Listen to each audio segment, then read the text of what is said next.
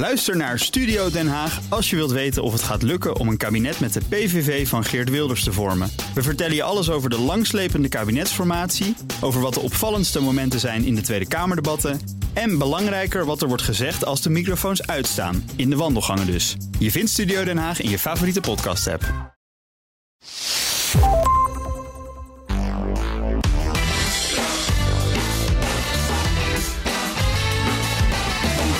Welkom bij de Ben Tichelaar podcast. Dat je ouders veel invloed op je leven hebben, via nature en nurture, ja, dat geloof je wel. Maar dat ze ook heel veel invloed op je loopbaan hebben, daar denk je niet elke dag over na. Daarom praat ik daar vandaag over met Danny Masrekai. Hij is verbonden aan de Universiteit Utrecht en ook aan de unies van Oxford en Leuven. Danny doet onderzoek naar de invloed die onze ouders hebben op ons. En daarbij kijkt hij sinds een tijdje ook naar de verschillen tussen kinderen die opgroeien met een vader en een moeder. En de kinderen die opgroeien met twee vaders of twee moeders. Dus heel veel interessante dingen die we, die we met elkaar gaan bespreken. Ehm, laten we eerst eens bekijken langs welke lijnen ouders invloed hebben op de schoolprestaties in de latere loopbaan van hun kinderen. Uh, Danny, welkom. Heel fijn dat je mijn gast wilt zijn. Dankjewel, ik ben heel blij om hier te zijn. Ja, zeg, um, nou, laten we direct de koe bij de horens vatten. Welke factoren hebben nou eigenlijk de grootste invloed op schoolprestaties en ook de verdere loopbaan van mensen? Dus ook van mij, van jou, nou van eigenlijk iedereen ook die nu, die nu luistert. Ja, we zien dus uh, vanuit de literatuur dat de familie heel belangrijk is. Ook de vrienden, dus het netwerk dat je hebt. En ook de context waar je in bevindt. Dus bijvoorbeeld land of uh, regio. Maar natuurlijk is het wel zo dat de familie ook andere zaken kan beïnvloeden. Ja. ja. Dus als je het over familie, uh, ja, dan kan ik me voorstellen dat er allerlei aspecten zijn van die familie. Of het een beetje uh, uh, gezellig, warm thuis is en allemaal dat soort dingen. Maar, maar waar letten sociologen dan vooral op? Waar kijk jij dan vooral naar als het gaat over de familiekant? Wij kijken vooral naar de ehm, zaken die sociale ongelijkheid kunnen reproduceren. Bijvoorbeeld okay. ja, familiestructuur is er ene, bijvoorbeeld gescheiden ouders. Of zoals ik, dus ik doe het onderzoek naar ehm, naar de ouders van, um, van een paar van gelijk geslacht. Ja, ja. Dus die onder andere discriminatie kunnen ondervinden en zo de ongelijkheid um, kan gereproduceerd worden. Oké, okay, dus dat, dat zijn de structurele aspecten. Ja. Hoor je natuurlijk vaak dat sociaal-economische status ook veel uitmaakt, maakt, hè? of mensen ja. geld hebben of geen geld. Ja, dat, uh, dat lijkt me ook wel relevant. Ja, inderdaad. Dus sociaal-economische status is zeer belangrijk voor uh, zowel de schooluitkomsten als de arbeidsmarktuitkomsten. En wat we zien is dus dat kinderen die in een familie opgroeien met een hoog socio-economische status, dat ze ook zelf later een hoog socio-economische status gaan hebben. Ja, dus dat is gewoon eigenlijk overerfbaar zou je kunnen zeggen. Niet per se via genen, maar wel via allerlei andere factoren ook. Het is natuurlijk moeilijk om die twee van elkaar uh, te halen, maar ja. inderdaad ook andere factoren. We zien bijvoorbeeld dat uh, kinderen vaak een beroep van hun, van hun ouders kiezen en dat dit vooral eigenlijk te vinden is in families met een hoge socio-economische status. Oké, okay, dus als je vader arts is bijvoorbeeld, dat hoor je dan wel heel vaak. Dat er veel geneeskundestudenten zijn die dus uh, ook een vader of moeder hebben die arts uh, is of was. Dat soort dingen zie je dus ook in de, in de research weer terug. Uh, zeker, ja. We ja. zien dat er een aantal zaken zijn die, die zoiets kunnen veroorzaken.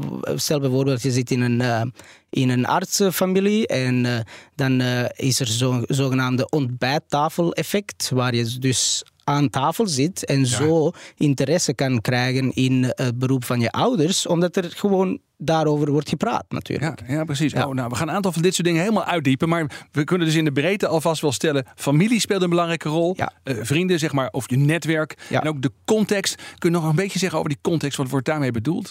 Ja, bijvoorbeeld, uh, stel bijvoorbeeld dat je in een regio woont... waar, um, waar scheiding niet zo um, algemeen is bijvoorbeeld. Niet zo aanvaard is. Er zijn veel landen uh, waar, waar dit het geval is.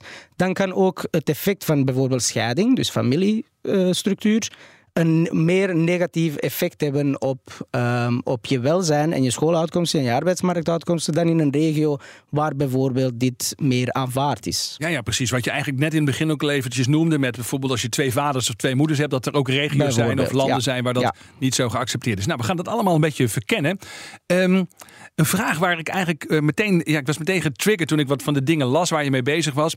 Want je kunt je wel iets bij voorstellen, hè? die ontbijttafelgesprekken, uh, de dingen die je ziet van van je ouders. Nou ja, op allerlei manieren. Als je ouders geld hebben, kunnen ze bijles voor je inkopen. Klopt. Dus dat, dat ze effect hebben op jouw schoolcarrière hebben, dat geloof je wel. Maar ik begrijp dat het dus ook nog zo is dat ook als je klaar bent met school, dat je ouders invloed hebben op je loopbaan. En, en dat geloven heel veel mensen misschien niet zo direct. Hoe zit dat? Hoe werkt dat? Ja, dit kan bijvoorbeeld door uh, puur sociaal invloed zijn. Namelijk in familiebedrijven zien we vaak dat uh, eigenlijk de kinderen uh, gepusht worden om een bedrijf over te nemen, bijvoorbeeld. Ja.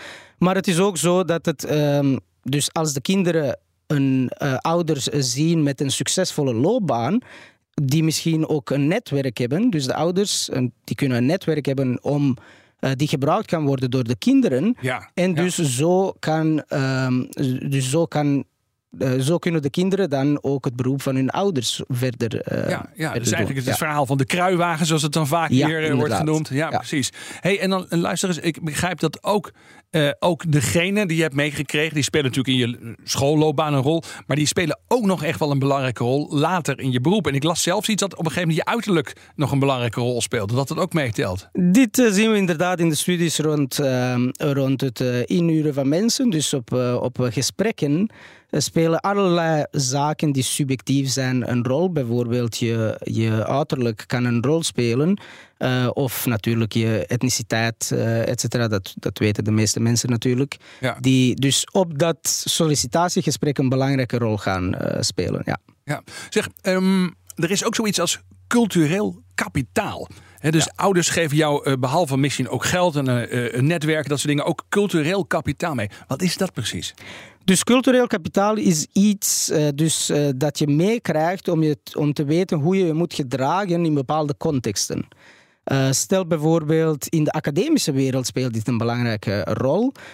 Zeker, dus ik heb in meerdere landen gewoond bijvoorbeeld. En Ja. we zien dat in verschillende landen andere culturele zaken eigenlijk een rol kunnen spelen. Bijvoorbeeld in Nederland is bescheidenheid een, een zaak die je eigenlijk zou moeten weten hoe je op zich moet gedragen in, in, op, je, op je werk. Ja. Terwijl in andere landen, bijvoorbeeld in, de, in, eh, ik heb in, de, in Engeland eh, gewerkt, daar is ambitieus zijn heel belangrijk en dit moet je ook zo tonen. En daar moet je dus juist een stap naar voren zetten als er Ja, wordt gevraagd exact, of er iemand wil meewerken in een klopt. project. Ja, Ja. ja. Je bent zelf opgegroeid in eh, Vlaanderen. Hoe, hoe is dat dan weer anders ten opzichte van Oxford, waar je dan hebt gewerkt, en de Universiteit Utrecht, waar je nu werkt? Ja, dus in, in eh, Vlaanderen is er eh, eigenlijk, eh, heb ik gemerkt aan de universiteit, meer een individualistische benadering. Dan in Nederland. In Nederland zijn mensen meer direct op, hun, op hun werk dan in Vlaanderen. Maar natuurlijk, dit hangt af waar je exact werkt het, Ja. en, en andere zaken. Ja. Zijn er ook zaken die belangrijk zijn voor je loopbaan, echt belangrijk voor je loopbaan, waar ouders helemaal geen invloed op hebben? Zijn die er ook? Eh, dat zou ik ehm, eigenlijk niet zo zeggen vanuit de literatuur. Dus de meeste zaken dat, die worden eigenlijk beïnvloed door de ouders, ofwel door de genen, Ja. want natuurlijk krijgen de genen mee. Of door, eh, door de sociale dus dus de context die eigenlijk ook door de ouders bepaald wordt. Ja. Dus het is heel moeilijk om, om precies te zeggen, ja, dit, daar spelen de ouders geen rol. Ja, ik moest zelf denken, je hebt natuurlijk op een gegeven moment op, je middelbaar, op de middelbare school, denk ik dan zelf even aan terug, krijg je vrienden. Ehm, en eh, ja, die vrienden kiezen je ouders niet uit. Nee, natuurlijk, maar de ouders kunnen wel de school kiezen. Oké, en ja. zo indirect ook je eh, vrienden. Ja. Dus, Nou ja, stie- ja. stiekem moet dan wel eerlijk zeggen dat ik daar al een beetje over na heb gedacht. Ook toen onze dochters op een gegeven moment naar een eh, bepaalde school moesten. Dat je dan wel denkt van nou ja, en wat voor omgeving komen ze terecht. Dus, en op die manier, je zegt dat is, dat is niet alleen Tichelaar die dat doet. Ja. Dat doen dus heel veel ouders. Ja, tuurlijk. De ouders gaan kijken naar, eh, om een school te kiezen waar bijvoorbeeld er bevoegde leraren zijn. Maar ook, stel dat een school is met wel bevoegde leraren. De meeste scholen in Nederland zijn wel zeer goed in vergelijking met andere landen bijvoorbeeld. Maar wat we dan zien is dat de werkdruk zeer hoog is. Dus dan is er een groter verloop van personeel of, of grote verzuim. Dus dat is ook niet optimaal voor, eh, voor het kind. En daarom de ouders kiezen dan ga- gaan de scholen proberen te beïnvloeden. Dus, dus de school van hun kind proberen te beïnvloeden en er specifiek voor kiezen. Ja, ja, oh, heel interessant. En eh, oké, wat me nog even, we gaan zo meteen eventjes naar het meer recente onderzoek waar je mee bezig bent. Nog even over dat uh, bijna overerfbaarheid van beroepen. Uh, vroeger was het heel normaal, hè? Als je uh, vader molenaar was, dan weet jij ook molenaar. We heel lang geleden toen nog ja. molenaars waren. Ja. Ehm, maar je ziet het toch nog steeds inderdaad wel. Je noemde al artsen. ik, ja, ik hoorde het van de redacteur van dit programma, Sterren. Die zegt, ja, bijna de helft van iedereen in mijn familie zit in de muziek, is muzikant. En, je zegt die ontbijtgesprekken spelen daarbij een rol. Ja. Dus je ziet eigenlijk wel thuis een klein beetje. Het gaat er ook over um, nou, dat een bepaald vakgebied interessant is. Zijn er nog meer zaken waarvan je zegt op die manier hebben ouders toch ook wel invloed erop dat uh, kinderen hetzelfde gaan doen als zij? Ja, het is ook zo dat ze gewoon meer informatie krijgen. Stel bijvoorbeeld uh, scheikunde of zo, dan uh, is het ja. niet direct te zien, niet direct duidelijk voor, voor kinderen, wat kan je ermee doen? We weten, ja, misschien kan je wetenschapper worden, maar wat kan je er nog mee doen? En stel dat je ouders wel scheikunde hebben gedaan, die kunnen meer informatie daarover bieden. Er is geen enkel kind die door een lijst zal gaan en, en uh, alle beroepen gaan uh, nakijken en zeggen, ja, oké, dit is een optimaal beroep voor mij. De meesten hebben een beperkt beperkt, uh, beperkte kennis over verschillende ja. beroepen. En dus de ouders kunnen dan heel veel informatie geven. Ah, oké, okay, dit is een goed beroep. Ja, dus, ja. ja. Ook nog te denken op een gegeven moment, uh, de vraag uh, die kinderen zich misschien wel stellen van, is dit haalbaar voor mij? En als je dan je ziet dat je ouders een bepaald beroep uitoefenen, dan denk je misschien ook eerder van, nou, dat zou ik ook wel kunnen. Dat is dan meer efficacy, uh, de inschatting van, zou ik dat kunnen studeren? Zou ik daar een, een baan in kunnen vinden? Vind je daar iets, ook, ook iets over in jouw Zeker, zeker. En het is vooral het geval bij, bij grotere families. Dus okay. waar, er, waar kinderen gaan kijken naar wat hun broers of zussen hebben gedaan. Oké, okay, dat speelt ook een belangrijke rol. Ja, bijvoorbeeld in mijn familie familie. Uh, mijn broer heeft hetzelfde gedaan als ik. Er is maar twee jaar verschil. Ja. Dus uh, uh, ja, hij kon zien dat ik het wel kon. Dus hij kon het ook dan. Ja, ja precies. Dus, Weet je wat ik had met het rijbewijs halen vroeger? als iedereen hier zeg maar een beetje rondrijdt, en dat is ook zeg maar mijn familie, als die allemaal een rijbewijs hebben, dan moet ik het ook ja, kunnen. Exact. Ja, precies. Ja. en dit, hier was het, als Deni naar Oxford kan, kan ik het misschien ook. Misschien ook, ja. Misschien ook, zegt hij. Ja, precies. Zou nog even een klein beetje reserve. Zeg, um, dan gaan we eens even naar dat nieuwe onderzoek voor jou. Je zegt, uh, ik doe ook onderzoek naar het verschil tussen kinderen die opgroeien met een vader en een moeder, tegenover kinderen die opgroeien met twee vaders of en of uh, twee moeders.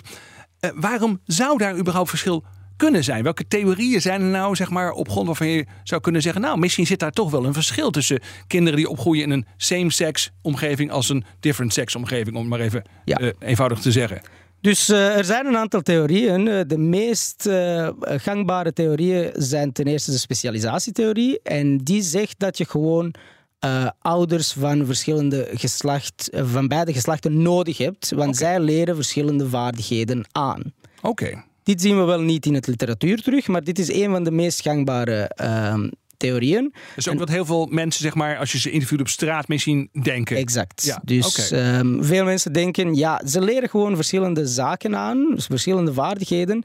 Dus je hebt beide, uh, beide geslachten nodig. Oké. Okay. Uh, dit zien we wel niet in het, uh, in het literatuur terug. We zien dat de kinderen met, bij, met twee vaders of twee moeders heel goed presteren op school. Zelfs beter in Nederland dan andere Ja. nou, andere over die uitkomsten gaan we straks nog eventjes door. Ja. We willen eerst even stilstaan bij de mogelijke, mogelijke setbacks. Of in ieder geval de reden om dit onderzoek ja. te starten. Omdat het dus toch veel mensen vermoeden of denken dat het niet goed voor ze zou zijn, voor die ja. kinderen. Een andere theorie zou kunnen zijn dat er veel discriminatie is tegenover um, LGBT-mensen. Ja. En dat dus dit leidt tot unieke stressoren in de, in de omgeving. Bijvoorbeeld negatieve feedback van familie, van vrienden, van stigma op, op, op ah, ja. in de omgeving. Ja. Of misschien pesterij op school van andere kinderen. Dat kan ook. Ja. Of legale omgeving. Bijvoorbeeld twee vaders kunnen niet zomaar een kind hebben. Dus allerlei stressoren die ervoor kunnen leiden dat er dan uh, dat die stressoren zich dan gaan uh, transfereren naar de kinderen. Oké, okay, dus dat zijn een beetje de uitgangspunten. Ja. En ook iets waarvan je zegt, hebt gezegd, en je ligt al een klein tipje van de sluier op, hè, van welke richting je onderzoek uiteindelijk ging. Ja. Maar daar gaan we dus uh, zo meteen nog even verder over hebben. Je luistert naar de Ben Tichelaar podcast, de podcast over persoonlijke en professionele groei. Vandaag praat ik met socioloog Danny Masrekai van de Universiteit Utrecht. We hebben net de theorieën en mechanismen besproken over de invloed die ouders hebben op de schoolprestaties en de loopbaan van hun kinderen. En nu praat ik met hem verder over de vraag of het verschil maakt of je een vader en een moeder hebt, of twee vaders of twee moeders. Um, Goed, we hebben net, daarnet besproken met elkaar wat mogelijke setbacks zouden kunnen zijn, hè, in theorie. Um, eerst nog even dat we naar de uitkomsten gaan. Wat, wat is jouw fascinatie met dit onderwerp? Waarom dacht je, dit moet ik onderzoeken? Ja, ik zeg dus dat in veel landen um, ouders van uh, gelijk geslacht uh, die mochten geen kinderen adopteren. Ja. In 9 van de, van de 27 EU-landen bijvoorbeeld. Maar in de wereld zijn dat heel veel landen natuurlijk. En uh, ik dacht, ik heb hier de data voor. Dus ik heb de hele populatie van, ik bestudeer de hele populatie van Nederland. Het zijn heel goede, heel goede gegevens. En dus dacht ik, misschien is het wel interessant om te zien wat er gebeurt in een land die eigenlijk, de, Nederland is het eerste land die um, homohuwelijk heeft ingevoerd. Dus huwelijk voor, voor uh, twee uh, partners van gelijk geslacht. Ja. En dus dacht ik, oké, als hier er bijvoorbeeld negatieve uitkomsten zouden zijn, dan zouden die nog groter zijn ergens anders. Maar, is heel grappig. Dus die, die data waren al beschikbaar. Ja. Maar de, deze vraag was nog nooit gesteld aan die data, zou ik Klopt. zeggen. Dus uh, deze vraag was eigenlijk nooit gedaan met de data die, die we hadden. En het is de hele populatie. Dus ja. enorm interessant om te zien wat er zich in Nederland afspeelt. Oh ja, en, je gaf het net al een klein beetje weg, maar toch nog even opnieuw. Zie je nou een verschil dan in de loopbaan tussen kinderen uit gezinnen met twee vaders of twee moeders ten opzichte van één vader en één moeder? Ja, dus uh, wat, we, wat we zien is, het, het, er is een beetje nuance hierin. Uh, ze presteren beter op school. Uh, er zijn twee redenen.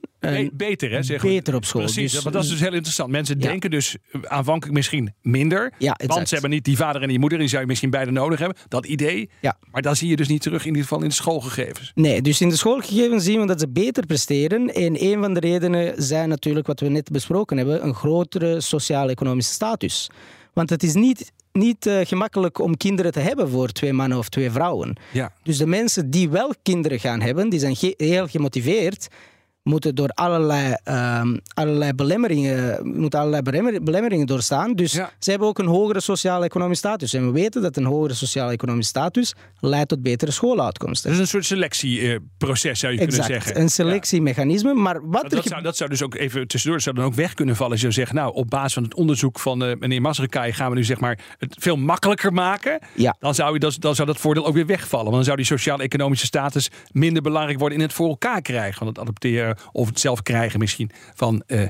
Ja, klopt. Maar als we voor de sociaal-economische status controleren, wat we ook hebben gedaan in het onderzoek, dus als we dit eigenlijk wegwerken... Oh, dat wordt interessant, dan gaan we dat even uitsluiten en dan? Ja, ja en da, als we dit dus uitsluiten, dan zien we dus dat het effect halveert, dus het positieve effect, het wordt kleiner, maar ze presteren nog altijd beter. Okay. Dus er is iets dat, uh, dat ook meespeelt en op dit moment, spijtig genoeg, weten we niet wat dit is. Ja, maar goed, we pakken alle data van Nederland en we controleren dat voor verschillende aspecten. En dan zeg je uiteindelijk doen ze het dus gewoon beter op school. Ja. Dat is de schoolcarrière.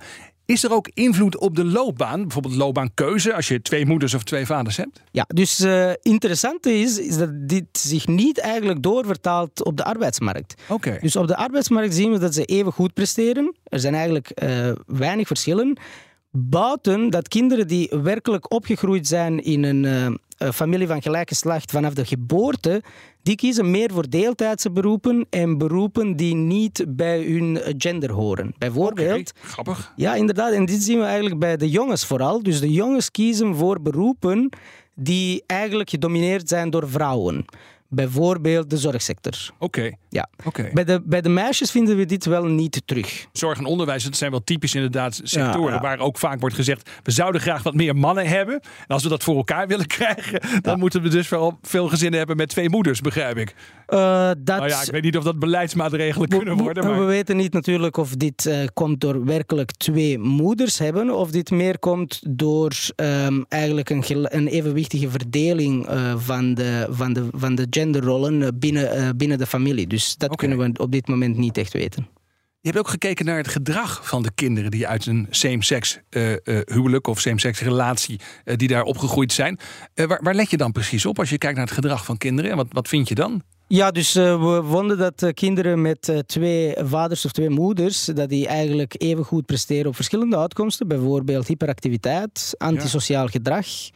Um, hoe dat ze omgaan met, met, hun, met hun vrienden of ehm, ook emotionele aspecten hebben we ook onderzocht. Ja, oh interessant. En daar vind je dus ook geen verschillen? Nee, we vinden geen verschillen in Nederland, maar dit is wel niet met de populatiedata. Dus dit is een uh, kleinere steekproef van uh, rond de 100 uh, kinderen. Oké, mentale gezondheid, je had het net over emoties. nou ja, kun je daar iets over zeggen? Dus mentale gezondheid uh, is ook, hebben we ook onderzocht met uh, populatiedata, maar dit is wel een working paper. Dus dat betekent dat het nog niet gepubliceerd is. Dat is belangrijk om te weten. Mag je er wel iets over zeggen, maar uh, het kan ik... zijn dat er nog iets verandert in de daadwerkelijke publicatie. Klopt, dus het kan zijn dat er nog iets verandert. Wat we op dit moment vinden is dat ze eigenlijk in bepaalde gebieden slechter presteren op de mentale gezondheid. En dit zijn vooral ehm, gebieden die niet grote steden zijn.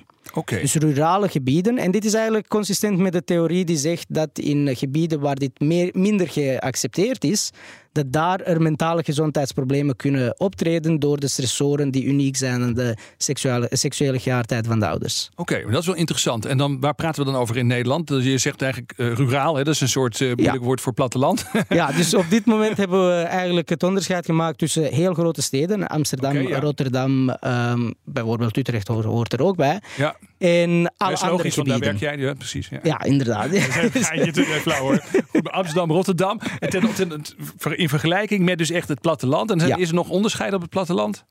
Uh, dat kunnen we nog niet uh, zien op dit moment, maar is wel iets om te onderzoeken in het vervolg. Ja, ja nou, ik denk natuurlijk, ik kan me voorstellen dat er bepaalde gebieden zijn, religieuze gebieden of meer religieuze gebieden, waar mensen misschien negatief staan tegenover gezinnen met twee vaders en twee moeders. Maar dat heb je nog niet uit je data kunnen Uh, halen. We zien niet de uh, religie van bijvoorbeeld de ouders of de omgeving op dit moment, maar dit is inderdaad iets dat onderzocht kan worden. Alleen niet voor de hele populatie. Dus het, ja. er zijn wat dataproblemen om de religie aspect in het, uh, in het verhaal te brengen. Ja. Nou, de reden dat ik het vraag is dat ik me kan voorstellen dat je bent natuurlijk ook benieuwd naar de vraag: kan je dit generaliseren ook naar die andere landen waar bijvoorbeeld ja. op dit moment een homohuwelijk nog niet is toegestaan ja. en ook waar het heel moeilijk is voor uh, mensen van hetzelfde geslacht om bijvoorbeeld kinderen te krijgen en op te voeden.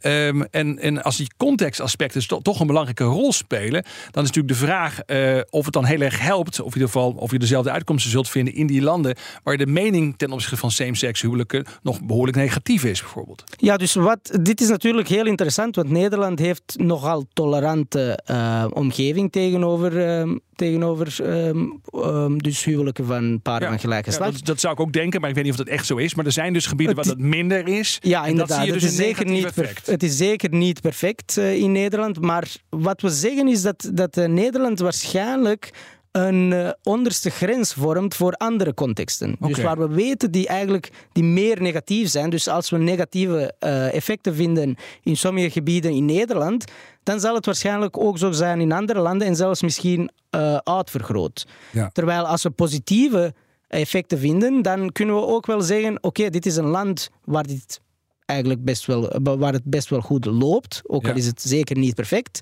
En dus stel dat het andere land ook zo um, omgaat met, met huwelijken van uh, gelijk geslacht, dan kan het misschien ook daar, kunnen ook daar uh, kinderen het heel goed doen. Ja, ja, want uiteindelijk zeg maar kort en goed, uh, je hebt heel veel verschillende dingen vergeleken. Mentaal, uh, uh, mentale gezondheid, hoe ze het doen op school, hoe ze het laten doen in de loopbaan. En eigenlijk zie je gewoon geen negatieve effecten. Nee, dus we zien dus dat ze het eigenlijk heel goed doen. Dus Ja.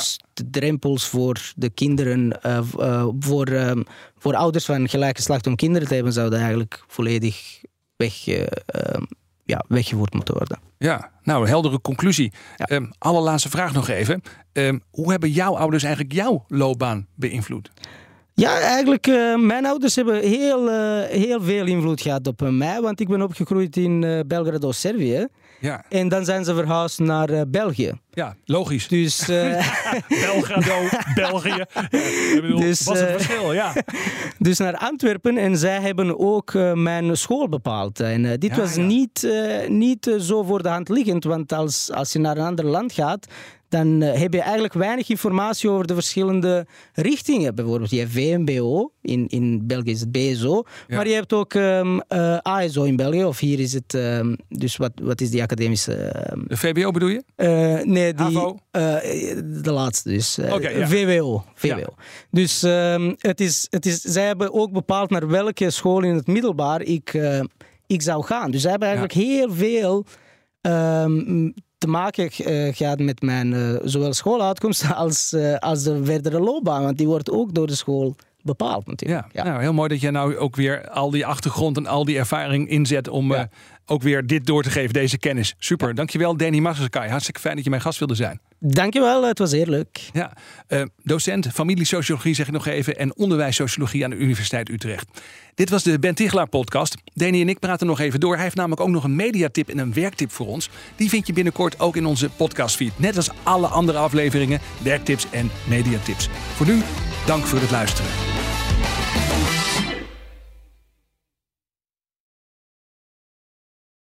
Ook Harm Edens vind je in de BNR-app. Je kunt BNR Duurzaam niet alleen live luisteren in de app, maar ook terugluisteren als podcast, zoals al onze podcasts. En naast dat de BNR-app Breaking News meldt, houden we je ook op de hoogte van het laatste zakelijke nieuws. Download nu de gratis BNR-app en blijf scherp.